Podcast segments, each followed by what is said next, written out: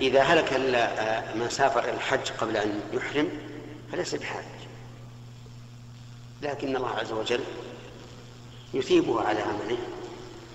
أما إذا أحرم وهلك فهو حاج.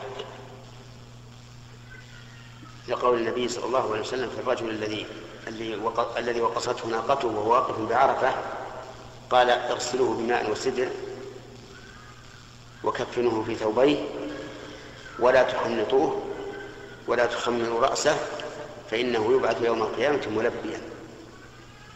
ولم يأمرهم بقضاء بقضاء حجه. وهذا يدل على أنه يكون حاجا نعم.